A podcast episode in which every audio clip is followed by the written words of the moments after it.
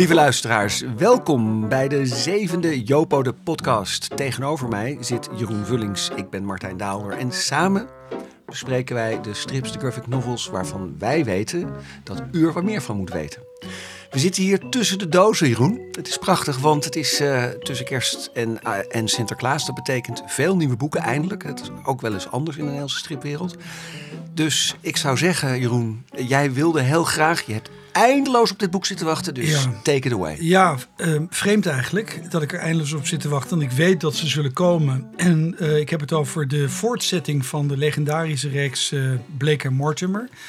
na de, ja, nadat de tekenaar, de schrijver ermee ophield, Jacobs. Jacobs. Jacobs, gewoon ja, Edgar ja, P. Jacobs. Het is een beetje moeilijk bij Belgen. Je zegt ook Wietsman en eigenlijk heet hij Huismans. Hij heet gewoon maar goed, Edgar. Edgar. Edgar P. Jacobs. We maken het nog bijna van S. Maar in ieder geval, uh, dus hij is ermee opgehouden. Uh, en ik heb die reeks, zoals jij ja, die lees je in je jeugd. Maar daarna vond er wat mij betreft wat spannends uh, plaats. Want iedere keer eminente tekenaars, schrijvers verbonden zich aan die reeks. En wat ze deden eigenlijk is uh, die reeks voortzetten met dezelfde handicaps. Dus, uh, want als je goed kijkt naar die reeks, naar die tekeningen uh, dan zie je dat er driemaal hetzelfde op een plaatje wordt verteld. Je hebt rechthoekige kadertjes. Ik heb ze ditmaal ook echt overgeslagen. Want ik vond het veel te vermoeiend om die te lezen. Laten we eventjes even terugkeren ja. naar het boek wat er nu het ligt. Het heet 8 uur in Berlijn. Het heet 8 uur in Berlijn. Ik ben even kwijt hoeveelste nummer het is. Maar het is 29. Het is handig, het staat erop. Dus het is het 29ste deel van Blake Mortimer. En het is uh, gemaakt door José Louis Bouquet, uh, Bocquet en Jean-Luc Fromental. En er is ook nog iemand daar verbonden, die heet Antoine Aubin. Uh, dat is de man team. die twee jaar heeft, uh, twee jaar heeft zitten tekenen. En ja. uh, José Louis Bocquet is een, is een aardige scenarist. Jean-Luc Fromentas, gewoon een levende legende. Hè? Ik bedoel, ja. wat die allemaal niet gemaakt heeft. Die hebben dus samen dit boek gemaakt. Zoals je zegt, bekende mensen verbinden zich eraan. Ja. We hebben hier te maken met het Max-effect. Want wij hebben natuurlijk nu onze Nederlandse makers van Blake Mortimer. Daar kunnen we het ook over hebben. Peter van Dongen, Teun Bersrik. Maar laten we het even hebben over dit boek. Waar gaat het over? Is dat zelfs belangrijk? Ja, Waarom zat je zo te het wachten? Is, uh, uh, nou, omdat het me iedere keer wel weer verrassingen biedt. Het herneemt eigenlijk uh, een, een verhaalmotief uit de oorspronkelijke reeks. Tot mijn grote vreugde is de, de, de, de, de ellendeling Ulrik is weer van het spel, in het spel. En dit, speelt, dit deel speelt in de Koude Oorlog. En er wordt verwezen in dit album naar twee eerdere albums. Maar daar zal, zal ik niet over in detail treden. Het is gewoon een Koude Oorlog oorlogverhaal. En interessant is dat uh, het verhaal van, uh, van Mortimer afgewisseld wordt, een halve strip lang, met het verhaal van Blake. En de een is, uh, is professor, archeoloog, avonturier. De ander werkt voor de Britse geheime dienst. Ze zijn bezig om een afschuwelijk complot te voorkomen. Uiteraard. Dat, dat, Einde van de wereld? nou, ik ga het toch gewoon vertellen, zonder een naam te noemen. Maar je kan het toch weer plaatsen in de tijd. Hè. Het speelt zo begin jaren 60. Dat gaat om het vermoorden van de Amerikaanse president. Ja, echt oh, waar. En het speelt nog voor. Ik ben, Einberg. ik ben een worstenbroodje. Ja, die, ja, ja, ja. nu heb jij het gedaan. Maar in ieder geval, uh, ja. Dus uh, hij is het. Uh, Kennedy. Ja, laten we maar er weer voor draad. In ieder geval, en, en dat speelt dus ook nog voordat hij daadwerkelijk vermoord werd. Dus bijna een voorafschaduwing van wat er zou plaatsvinden. En ja, eugenetica, alles komt erin voor. Eugenetica, mind control, ja, allemaal, allemaal Jacobsthema's. Allemaal Jacobsthema's. maar ik vind dit ja, dit is eigenlijk een soort medaille van eer die deze makers zichzelf geven. Ze duiken in deze reeks en op een bepaalde manier is het, vind ik het ook makkelijk dat ze doen. Want voor mij kleeft er altijd iets pulpachtigs aan die verhalen van, uh, van Jacobs. Ja. Uh, science fiction, uh, dus je kunt er wat mee. En ik vind het een van de meest magnifieke voortzettingen ja. van, ja, van hey, vond je dit een goed boek? Vond je dit een ik goed vond het een heel goed boek. Ja. Ik vond het ontzettend spannend. Er zat vaart in. Het is echt heel mooi getekend. Uh, ik heb er geen last van gehad dat ik uh, zoveel mogelijk tekst heb overgeslagen. Want ik kon het toch nog heel goed volgen. Uh, daardoor behield ik ook de vaart. Maar anders ben ben je er ook gewoon een halve dag mee bezig, hè? Als je al die tekst het- gaat het lezen. Is, het is ook, nou ja, je krijgt waarvoor je geld. Het is niet kinderachtig. hè. Het is echt dus een, een lange strip van Ja. 64 En zit pagina's. er ook nog, zit er nog zo'n plaatje bij waar zo'n hoofd helemaal naar beneden uit het plaatje wordt gedrukt door de uitleg van de, de mad professor eh, die vertelt ja, hoe nu, de, heb je de- me, nu heb je me, want dat heb ik natuurlijk weer gemist. Maar ik ga het dus meteen na deze uitzending met schaambrood op de kaken ga ik het nog Ja. een keer lezen. Hey, en wat vind je nou van de is nou is nou eh, eigenlijk ehm, en ik luister op dit moment zijn alle mensen die het hele team dat hier bezig is om ons deze deze podcast te laten maken Ja. zijn nu naastig op zoek naar dat soort plaatjes. Het is altijd fijn als je ze kan Ja. inspireren. Eh, maar maar goed, wat wat wat wat mij dan ja, de vraag die dan bij mij opkomt is ik koop eigenlijk ook elk nieuw deel van Bleek en Moord. Maar elke Ja. keer denk ik, waarom doe ik dat nou? En dan lees ik het, dat lees ik met plezier. Eh, en dan betrap ik me er zelfs op dat ik het zelfs nog eens een keertje herlees. Ja, ik heb het eigenlijk nagelaten. Bij mij is het zo gegaan dat ik... eh, Ik was op bezoek bij een eh, oudere collega, een oudere literair criticus, Arnold Heumakers, die voor NRC gewerkt heeft. En die man heeft alleen maar Pleiadebanden en allemaal zware, veel foute denkers en Franse literatuur. Maar hij had één strip. En dat was deze strip. En toen dacht ik, ja, dat is wel interessant. Dat hij juist deze strip leest. Daar heb ik verder niets over gezegd. Maar daardoor werd het voor mij alweer onverstaanbaar. Dat ik wilde weten, wat is het dat hem aantrekt? Iemand die alleen maar donkere Ja, filosofen Oké, leest. maar dit, dit, dit, Ja. dit impliceert dat, dat er echt een diepe kwaliteit toch ergens Ja, dat in schuilt. er in, ja. En af en toe heb ik ook wel eens het vermoeden, zijn wij dit nou beter gaan vinden nadat meneer...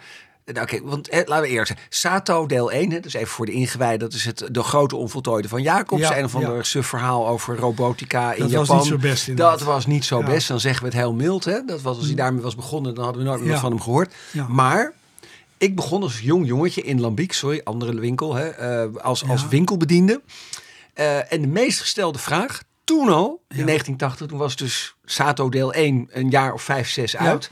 En dat is altijd zo gebleven, is meneer, wanneer komt Sato deel 2? En dat ik geloof dat dat dus 15 jaar geduurd heeft voordat... Was niet Bob de Moor die uiteindelijk dat, dat nieuwe deel heeft gemaakt. Ja. Nou, die hebben het afgemaakt.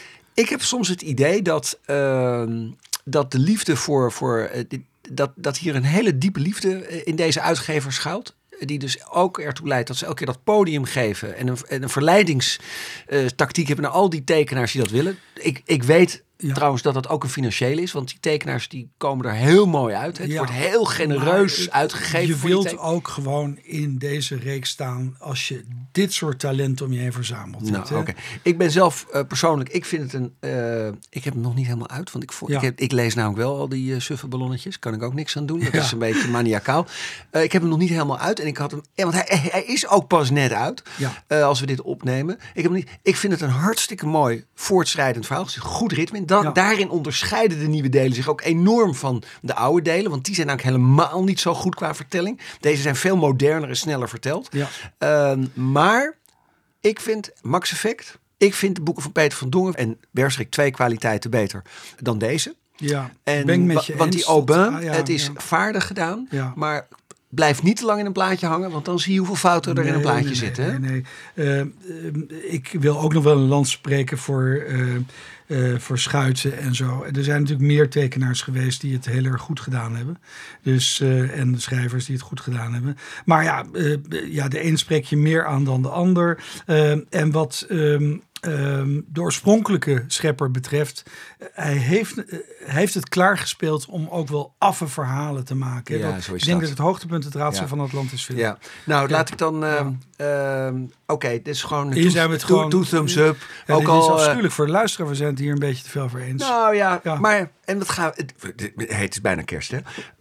Kerstgedag. en ik heb ook een oude meuk-serie, die is voortgezet door andere mensen. ja, En daar heb ik ook eigenlijk. eindeloos op zitten wachten. Eh, komt hij nou eindelijk eens? Grote klacht naar de eh, Franse uitgevers. Kom nou godverdorie eens een keertje snel door met die boeken. En zorg dan ook dat er mooi uitgaat. We hebben het hier over kortom Matthäus. eh, hem bij de. Berlijnse nocturne. En interessant vind ik dat jij, dat kan de, de luisteraar niet zien natuurlijk. hier herken je dus de ware liefhebber aan. Hè? Zoals er bij de nieuwe Blake Mortimer zo'n mooie rode is, een luxe. Dan is er nog een bibliophile uitgave. Maar jij hebt dus bij Kortom Maltese de Ja. zwart-wit uitgave uit Frankrijk. we sluiten even Blekenmoord nu definitief af. Acht uur in Berlijn, gemaakt door jo, eh, eh, José-Louis Bocquet, Jean-Luc Fromental en Antoine Aubin. Uitgegeven door de uitgeverij Blake Mortimer, want zo hoort dat natuurlijk. Um, Corto Maltese, het vierde deel uh, van het, uh, het auteursduo Juan Diaz Canales en Ruben Pellegero. Uh, komt dus uit de Latijnse sfeer. Ja. Een hele goede tekenaar, die Pellegero trouwens. Ook fantastische, fantastische dingen gemaakt. Canales is natuurlijk ook bekend van, van andere dingen. Die hebben de serie overgenomen. En eerlijk gezegd, ik ga het gewoon meteen zeggen. Godzijdank, want die laatste boeken van Prat, ik ben een enorme fan van Prat. Ik heb ze dus ook allemaal, want uh, ja, als je fan bent, heb je ook de boeken die je niet bevallen. Zo hoort dat van, bij een fan. Uh, maar deze zijn gewoon bij. De, deze, dit boek, Berlijnse Nocturne, heeft nog meer met uh, dit boek te maken dan misschien wel dan we dachten. Berlijn, maar er zit nog meer, al die referenties aan de 20e eeuwse geschiedenis. Maar dit boek, dat pakt Corto Maltese op in de stijl van Argentijnse tango. Dat is mooi. En echt op, ja. op zijn grafisch sterkste moment. Um, ja, ik vind het fantastisch. Jij gaat nog niet zeggen dat je dit ook goed vindt, hè? Um, nou, um, ik ken dit boek niet, dat moet ik allereerst zeggen. Oh, en ik heb uh, het eerste deel van hen heb ik uh, ook in het Frans gekocht. Helaas niet in zwart-wit. En ik heb het nog steeds niet gelezen. En dat heeft te maken met mijn enorme bewondering voor Hugo Pratt. Want ik denk uh, meer dan alleen een tekenaar, alleen een verteller is. Het is een romancier uh, eerste klas. Hij heeft ook romans geschreven. En er was altijd een soort uh, mystiek, filosofische adem. Mystiek noem je ja. terecht. Er was een rust in de verhalen. En ik was altijd bang voor teleurstelling. Dus Ja. ik was bang dat dit te anekdotisch zou worden, te veel een verhaaltje. En nu wil ik graag van jou horen. Heb Nou. ik ongelijk gehad? Heb ik gelijk Nou, dit verhaal uh, dat speelt zich dus af uh, uh, in de jaren 20, vroege jaren 20. We gaan naar Berlijn. We weten allemaal dat Corto, Corto Maltese, de zwervende zeeman, drijft in 1967 op de eerste pagina's van de ballade van de Zilte Zee, de wereld Ja, van dat de striplezer. heel mooi, de ballade. Prachtig, prachtig. Um, daarmee wordt een universum geopend waarin Corto, de, de, de libertijn, de libertair, de vrije man, uh, mm -hmm. eigenlijk alle als een soort, ja, hij, hij, bezoekt eigenlijk de groten der aarde, curieuze geschiedenis, in de hoeken van de geschiedenis, hij komt in curieuze hoeken van de geschiedenis, komt daar bijzondere mensen tegen. Van Jack London tot uh, de, de, de, de, idiote graaf Ungern Kaan... die nog met uh, panzertreinen door Siberië rijdt. En hier uh, in dit boek heeft hij kennis gekregen aan meneer Rood. Joseph Rood, de bekende de schrijver, de bekende ja. schrijver... die zich aan het dooddrinken is in, het, Mhm. in Weimar, in de Weimarrepubliek... die op omvallen staat. Ja, wij weten dat het nog een paar jaar zal duren. Ja, voor de dood gaat. Hij ging nog naar België. Nee, ja. nee, nee, niet alleen dat we weten ook dat Weimar zal doodgaan. Maar... Uh, uh, uh, maar we zien ook de rot al. We zien hoe, uh, hoe het fascisme om zich heen grijpt. Het geweld uh, niet meer te stoppen is. Mhm. Er zitten best wat elementen in waar ik van denk van... Hmm, zou, zou Prat Corto ook in zijn blote billen met een meisje het water in hebben gestuurd? Hmm, Nee, dat weet dat ik niet. niet zou hij niet gedaan hebben. Maar goed, dat is dan de vrijheid die Canales zich even neemt. Um, maar hij, het, het is een er zitten allerlei fantastische verwijzingen in. Er komen een paar mooie, op een hele goede manier, een paar uh, oude figuren terug. Jeremiah Steiner, uh, Colombi, uh, Levi, Levi Colombia, de mm. antiekhandelaar. Echt. Um, um, ze gaan, het is een, een typische McGuffin-verhaal. Er is sprake van een dossier. En dat dossier is heel belangrijk. Waarom weten we achteraf helemaal niet? Dat is echt typisch Prat. Hè? We gaan ergens achteraan, want er is een schat of iets wat we moeten hebben. Um, ondertussen wordt er wel degelijk uh, gereflecteerd op de plek waar we zijn. Grafisch is het echt heel erg sterk. Er worden ook alle klassieke Prat-fouten gemaakt. Hè? Prat gaat heel vaak om zijn as. Dat hoort niet in een, uh, in een strip. Je hoort uh, figuren de hele tijd vanuit dezelfde hoek met elkaar te zien praten. Want anders raak je in de war. Dus Prat laat ze de hele tijd op, die flitsen op en neer.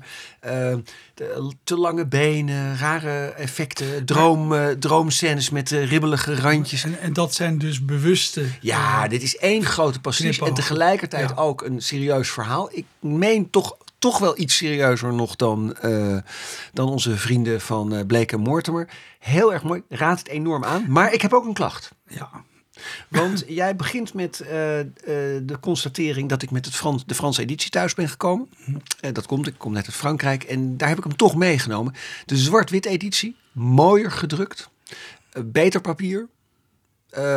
duurder ook, heel merkwaardig. Hè? Kleur weg, toch duurder. Maar het ziet er echt, echt heel strak uit. Niet in het Nederlands vooralsnog. net als trouwens dat jeugdverhaal van Korte van Bastian Vivet. Ehm, nou, in elk geval, ik vind dat zwart-wit boek ook in het Nederlands. Neem ons serieus. We zijn al een, be- Ja. beetje de achterbuurt van het Europese stripverhaal aan het worden qua uitgevers en, eh, en, qua, en qua programma. Ook hier worden we een derde wereld. Ja, dit is echt, een, echt, echt heel jammer. Dus ik zou zeggen, eh, prachtig dat het er is. Ehm, maar nu even doorpakken, hè? Nu toch nog een vraag. Want ehm, ik, terwijl je het prachtige verhaal hield en mij eigenlijk al won voor deze voortzetting van die reeks. Dat is voor mij trouwens een hele stap hoor. Een kleine stap voor, eh, voor de mensheid, maar een grote voor mij. Is het wel zo dat ik, ik heb altijd gevonden dat je moest stoppen. Wanneer zo'n bewonderde schrijver en tekenaar zelf Ja. ophield door, ja, door het leven zelf, door de Ja. dood. Maar we hebben nu wel gezien dat er heel veel mooie voortzettingen zijn. Alleen, iets dat typisch prat is voor mij, dat is altijd een soort rustmoment in de vertelling. Een rustmoment waarbij Ja. hij met iemand die hem eerst naar het leven stond, of net niet, en misschien ook een vriend is, maar wel zo'n vriend waardoor je geen vijand meer nodig hebt. Dan zit hij daar. En zoiets als moraliteit verdwijnt en er blijft een soort vriendschap over, een soort filosofische geladenheid en stilte. Dat heb ik bij geen enkele andere schrijver eigenlijk op dat niveau, heb ik nergens anders getroffen. Geruststelling. Ja. Eh, het zit hierin niet zo uitgebreid als in de boeken van Prat. Eh, Ja. Stilte is moeilijker dan veel praten. Ja, ja, dat, is, eh, dat is hier Dat merk je ook. bewijzen wij weer. Ja. Ehm, de, ehm, niettemin, enorme aanrader. Ehm, dit is een, een- En laten we ook maar zeggen, ehm, ooit ben ik de Amerikaanse comics ingetrokken omdat Frank Miller Batman opnieuw ging doen. Nou ja, dat is dan van Bob Kane. eh, maar dat is, daar is het heel normaal dat eh, characters of properties gewoon worden voortgezet en doorgegeven. Ehm, dezezelfde Frank Miller gaat nu Corto Maltese eh, bewerken tot een streaming tv-serie. Het is onvoorstelbaar. Dat is heel spannend. Ehm, ik vond eh, Sin City prachtig. Ik vond de film Sin City prachtig. Eh, Mhm. Ik vond de eerste Robocop he- helemaal geniaal. En Aan de andere 300, ja. Ja, 300 ook nog heel erg top. Eh, ja, ik heb echt, eh, zo af en toe is mijn smaak echt off the chart. Ja. Maar ja, En het, nou- voordeel is, het zal weer mensen terugbrengen naar Corto Maltese. Zal minder snel vergeten worden. Ja. Nou, er zijn het veel te veel. Ja, Dit is een ja. hele enge weeën kerst. eh, Ja, nou, en, en, We en maken het misschien. eh, Ja. nu, ga ik het, nu ga ik het moeilijk maken. Ik heb jou. eh, eh, ik weet nog niet eens wat je ervan vindt. Ehm, ik dacht, ik moet je ook wat eh, nieuws geven. Ja. Eh, Pascal Rabaté. ja, nou, dat is, daar is het helemaal misgegaan. Je hebt Weer misgegaan, want ik Ja. vond dat een fantastisch boek. Ja, zeg meteen ik, even. ik dus ook. Ja. Nee, dit is de bedoeling niet. nee, dus dit- onder de nou, maar houd even kort dan. Hè? Ja, onder de kiezels schuilt het strand, heet het eh, boek van Pascal Rabaté. Zoals, zoals je weet, dus je dacht echt een, een, ja, een thuiswedstrijd te spelen, heb ik een groot probleem met graphic novels. Ik vind vaak, waarom moet je de strip, de vorm van de strip nou misbruiken, zogenaamd een roman van maken, om daar allemaal nare volwassen problematiek in te gieten en eh, het leven nog zwaarder te maken. Terwijl, ja, de strip, ik heb het vaker gezegd, een vrijhaven moet zijn waar nog een prettige wereld is waar je niet meer in thuis hoort in de werkelijkheid. Maar in dit geval, die Pascal Rabaté, nou, ik ben er diep van onder de indruk. Eh, ik keek het eerst vluchtig door. Ik zag allemaal naakte jongens met eh geïrriteerde, oké, hoe zullen we het noemen? Het is duidelijk. En ik dacht, oh ja, hier krijgen we het. Eh, ik blader nog wat verder. Ik zag weer plaatjes van nog meer seks. Toen gonk- ging ik het lezen. En toen kwam ik in een prachtig verhaal terecht. Over een paar eh, rijke eh, jongelingen. Die ergens in een villa zitten van hun ouders. Aan de kust van Bretagne. Daar komt een meisje. En dat meisje dat, eh, ja, dat belichaamt eigenlijk hun stoutste dromen. Die gaat bijvoorbeeld naakt zwemmen en zo. Eh, Typisch Franse plattelandstrip, zou ik maar zeggen. Ja, Daar ken ik er wel meer Oké, van. maar het loopt niet zo cliché als je dan denkt. Oké. Eh, uiteindelijk heeft het te maken, en verder ga ik niet zoveel vertellen. Het heeft te maken met vriendschap. Het heeft te maken met verraad. Het heeft te maken met de bekoring voor het vreemde. Het heeft te maken met eh, buiten de conventie durven te lopen in je leven. Bijvoorbeeld deze jongens zijn voorbestemd om een belangrijk militair te worden. Dat is eigenlijk de, de hoofdpersoon in het boek, een jongen. Eh, vriendjes van hem, of vriendjes van die types die er ook bij horen. De een moet rechter worden, de ander moet, eh, wat is het, eh, advocaat worden. Nee, rechter en nou, nog iets, bent kwijt, ook een, een respectabele functie worden. Notabel. Notabel, ja, dat is een mooie grosfunctie. En eh, dat, eh, ze worden eigenlijk door dat meisje en haar handlangers op het slechte pad gedrongen. Maar dat slechte pad, dat is ook een ontsnapping eigenlijk aan het keurslijf waarin ze vastzitten in die tijd, in het leven dat ze moeten leiden, dat bepaald is door hun ouders. Nou, ik, ik, ik ben hier in hele abstracte termen over aan het praten. Wat ik mooi vond, is eigenlijk dat dit ehm, een behoorlijk harde strip is. Uh, er wordt heel wat kwaad getoond. Er wordt heel wat getoond uit een tijd die wij dan vereenzelvigen met nostalgie, Bretagne lang geleden en zo. Maar het was allemaal niet zo prettig. En het einde is uh, hartverwarmend. Nou, ik heb er zo algemeen over gesproken dat ik hoop dat jij wat meer kunt zeggen. Nou ja, wat, wat ik het knappe vind is dat hij in, in hele uh, tere lijnen, het is bijna een, uh, het, is, ja. het is heel minimalistisch getekend, toch heel inleefbaar is. Je, die karakters die komen echt naar je toe van de pagina. Ja. het, zijn, het zijn best complexe karakters eigenlijk. Uh, alles is grijs in, de, in dit verhaal. Dus in, in bedoel niet grijs dat het somber is, maar grijs in de zin van er zijn geen uh, witte en zwarte karakters. Uh, er komt uiteindelijk wel, maar het zijn niet eens hele belangrijke mensen. Die ouders, dat zijn niet al de allerprettigste op de wereld. Dan zeg ik het nee. nog even heel mild. Nee. Um, en, maar dat verklaart wel veel van het gedrag van de kinderen. Ja. Ook de werkelijkheid, die verstikkende werkelijkheid waar ze aan willen ontsnappen. Ik vond het heel mooi. Uh, ik ben ook wel een fan van Rabaté. Ik vind dat echt een, een bijzondere filmer. Uh, scenarist, uh, tekenaar. Hij is heel bekend geworden met Ibicus. Een boek wat nog steeds bij mij op de, de, de verstripping van het boek van Tolstoy. Dat, dat ligt nog steeds op de plank. Moet een keer gelezen. Ben ik nog nooit gewoon aan toegekomen. Hij heeft het heel vaak over die ontsnapping aan die verstikkende werkelijkheid. Zonder in het grote clichés te komen. Als ik één aanmerking mag maken, doe ik lekker toch. Want voor de rest is het één grote blije eensgezindheid vandaag aan tafel. Nou, wacht maar, we, ja, we, nog, we hebben nog wat. Hè? Ja. Um, dan, dan vind ik toch de, de, de uitgave uh, te veel uh, lucht be bevat. En wat ik daarmee bedoel is, je ziet in Frankrijk steeds meer boeken die op twee derde uh, formaat worden uitgegeven. En ik denk dat dit boek uh, het heel goed had kunnen hebben om naar uh, het formaat Westbedief uh, te gaan. Uh, wat compacter. Wat compacter, waardoor, je, waardoor het wat geconcentreerder, wat steviger op je afkomt. Mm. Waarop je, je, Ja, ik denk dat deze stijl en ik vind, dit boek... Ik vind het een ontzettend goed idee van je. Want daarmee benadruk je eigenlijk het, het karakter van een roman. Dit is echt iemand die ja, van een graphic novel, novel een volwassen roman heeft gemaakt in beeld. Ja. En dat kunnen er maar heel erg weinig. Dit boek deed me ontzettend denken, en ik vind het ook van dat niveau aan een klassieker uit de Franse literatuur, ook zo'n initiatieroman, Le Grand Monde van uh, Alain Fournier. Ook zo'n jeugd, ook eigenlijk in een, in een streek van Frankrijk, La France Profonde. Dus ja, voor mij is dit een aanwinst. Ik ben ontzettend benieuwd naar zijn, de rest van zijn oeuvre, dat jij toch wel behoorlijk kent. Ja, lang niet alles. Hij heeft veel gemaakt. Uh, ja. Niet alles is vertaald. We zijn die Backwater, maar wij hebben Dirk Jan. Ja. Ik loop alvast vooruit op het volgende ja, boek, maar wij hebben Dirk Jan. Um, uh, dit is een aanrader, uh, zoals ook uh, andere boeken van Rabaté een aanrader zijn. Ik zou zeggen, spoed u naar de winkel om daar meer van te zien. Pascal Rabaté, Onder de kiezels schuilt het strand, uitgegeven door Concerto Books. Maar wij hebben Dirk Jan. Ja, wij hebben Dirk Jan en wel het 28e deel van Dirk Jan. Um, Dirk Jan, even vertellen voor ja. iedereen die dat nog niet weet wat Dirk dat is. Dirk Jan kwam in de wereld, ik weet niet precies hoe lang geleden. Ik weet wel dat ja, het, meer dan 30 jaar geleden, ja, heb ik de indruk. Maar het leidde tot mijn eerste en ook laatste gecensureerde stuk bij Vrij Nederland. Het is gewoon niet geplaatst. Ik had een stukje geschreven, want uh, er was een pagina waar je kleine stukjes kon plaatsen over een strip, uh, Dirk Jan. En ik vond het geweldig. Het plattrappen van kabouters. Ik was er helemaal weg van. Maar dat viel bij de toenmalige boekenchef uh, kennelijk in zo'n slechte aarde. Die vervelende meneer Peters, nee, toch? het is geen vervelende meneer. Maar daarin... Ja, ik vond het een hele vervelende daar, meneer. Ja, Bovendien had hij hele slechte smaak. En wist ook niet zoveel van literatuur, vond ik. Maar dat is meer mijn... mijn nou ja, daar kunnen we heel lang op doorgaan. Maar uh, hij heeft er nooit een woord aan gewijd. En toen ja. dacht ik, ja, is misschien ook maar beter.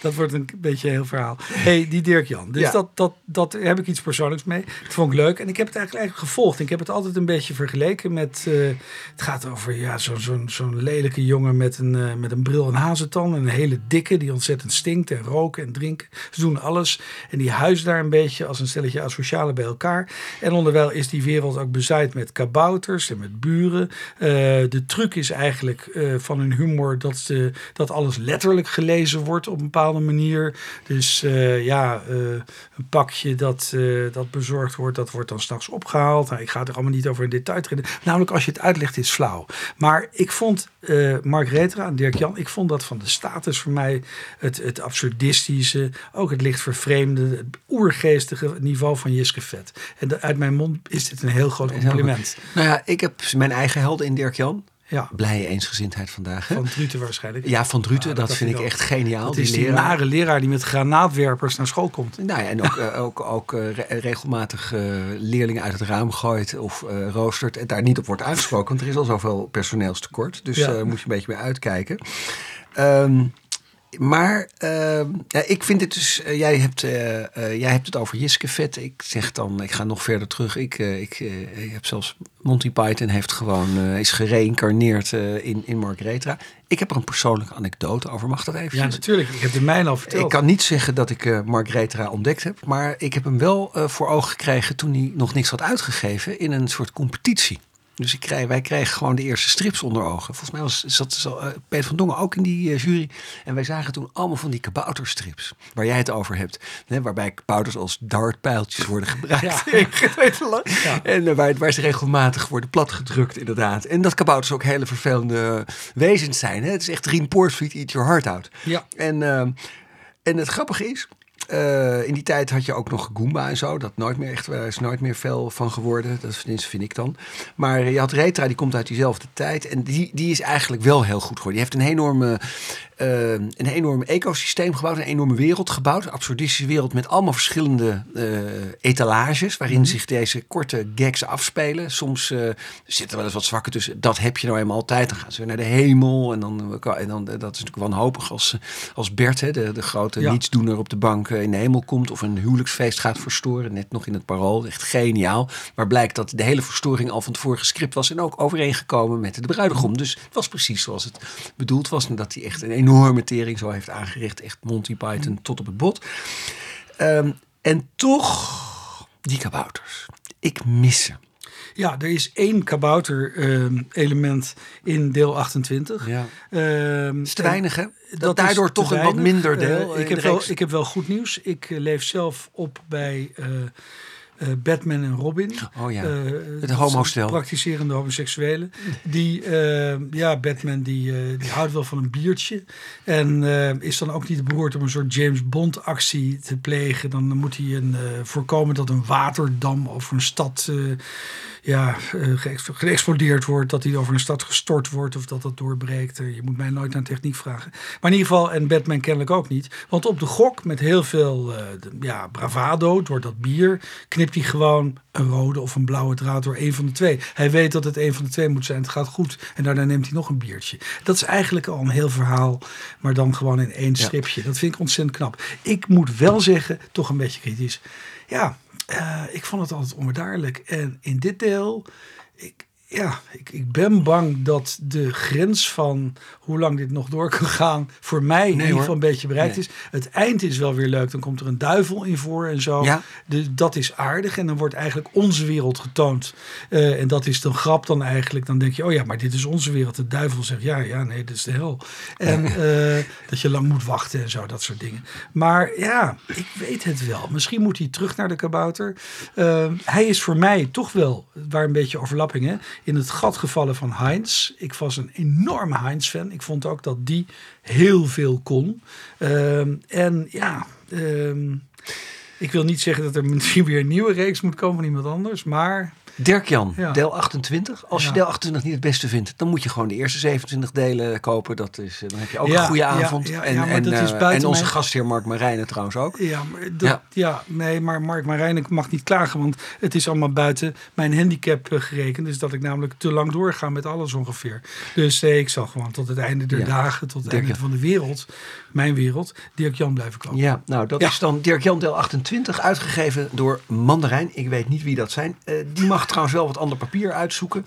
En nog een tip voor de uitgever en Mandarijn. We zijn toch bezig met marketingtips uh, deze keer. Ja, daar weet je dingen van. Ja, en dat uh, ja, ben ik heel goed in. Nee, maar de, de, uh, de tip is de kabouter special. Volgend jaar kerst. Alle kabouterstrips van Margaretha in één, één. Hier gaan armen omhoog bij de toeschouwers. Ja, maar wel met uh, een aantal onuitgegeven dingen, nieuwe dingen, ja. nieuwe kabouterellende. Zoals in ieder verzamelalbum altijd twee nieuwe hits, zodat je toch het boek weer moet En kopen. echt plat trappen. Ja, Oké. oké. en heel veel plattrappen. Ja, dat vinden we mooi. Mark Retra, ik weet niet of je luistert, maar dit is een goed idee voor... voor ja, ehm, eh, ja, dit is, een, eh, eh, dit is misschien voor volgend jaar op de, onder de kerstboom.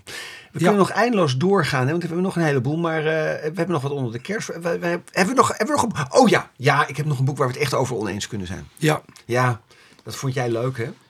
Nou, ik weet niet wat je nu uit die berg trekt. Ah, Ringo. Ehm, nou, eh, laat ik beginnen met... Het is het integraal album van Ringo door William Vance. Eh, dat is een pseudoniem, hè? William Vance. Mogen we dat een keer vertellen? Hoe die man William van Kutsum. Van C, van Kutsum, Vans, van Kutsum. Zo Maar jij zegt William. Jij heet William. Hij heet William. Ja. Dus William, William, van... gewoon een, van het gewoon-. Gewoon een Belg. William moet van echt, Kutsum. moet er ingeprent worden. Ja. Nou, geen wonder dat je dan William Vance gaat noemen. Maar eh, ja, dan heb je toch een droom, hè? Amerikaan zijn, cowboy zijn en zo. Ringo. Het is eigenlijk een pulpstrip. Dat is het nog steeds. Ik kan me dat herinneren zoals het ooit in de Wat is dit? Dit is de integraal Dit is uitgave. de- dus je hebt alles. Alles allemaal in één keer. En eh, ik vind het bijzonder liefdevol uitgegeven. Ja, door wie Eh, eigenlijk? Door, eh, door Lombard. Lombard. Ehm, en het is eigenlijk een, een reeks. Ze zijn nu bezig om die hele fans eh, de, de, de- te vereeuwigen op deze manier. Ehm, ik vind het, ehm, wat ik zei, liefdevol. Ik vind dat er ruimte genomen is voor de plaatjes. Pijnlijk genoeg zie je dan ook wel dat hij ook wel een pulptekenaar is. Hier zie je bijvoorbeeld al op de derde pagina, dan zie je dat Ringo, beetje, wat is hij? Ja, hij is eigenlijk een soort avonturier die zich eh, voor eh, Wells Fargo eh, werkt en hij bemoeit Je zich hebt het over een westernstrip, hè? het is Niemand weet dat ja, nog. Dat de mensen het nog niet weten. Hij heeft een cowboyhoed op, het is een westernstrip. En hij bemoeit zich op straat met een opstootje van twee dronken eh Oh ja, cavaleristen. En dan zie je dat ze ja, bijna van die Sergio Leone koppen hebben hier. En op dat plaatje, dit plaatje wordt gewoon Het herhaald. wordt Dat- even aan dit- mij dit- getoond, ja, de beste wordt getoond. luisteraars. Kijk, hier zie je twee van die verachtelijke koppen. Oh ja, ja, en ja. ja. dit is de methode van der Steen. dat Hij plakt, knippen is- en plakken. Hij Ja. heeft hetzelfde gewoon gedaan. Ja, hij heeft twee dit keer- is lui. Dit is lui. Maar dat hoort bij pulp. Het is hem vergeven. Ja, als we het wegen. Als we het wegen, dan is het een, eh, een verhaal van niks. Het is een flut verhaal. Het is leuk om te zien. Het zijn mooie tekeningen. Maar voor mij is dit de opmaat naar dat waarmee hij de eeuwigheid mag bereiken. Althans, als het gaat om het pantheon der strip. Dat is dan eh, Bruno Brazil. Maar toen had hij ook een betere scenarist. Sterker Ja. nog, hij heeft hier helemaal geen scenarist. Nee, nee. En, dat, ik- daar ligt het ook aan. Wat ik ontzettend leuk vind, een Nederlands, klein Nederlands dingetje. We kijken hier naar een hele mooie cover van eh, William Ja, van cover is heel mooi. Ja, maar het leuke is, kijk even naar die cover en kijk even naar de invloeden. Dan zie je, denk, is dat toch een Giro? Ja, het is absoluut maar Giro. het is ook iets anders.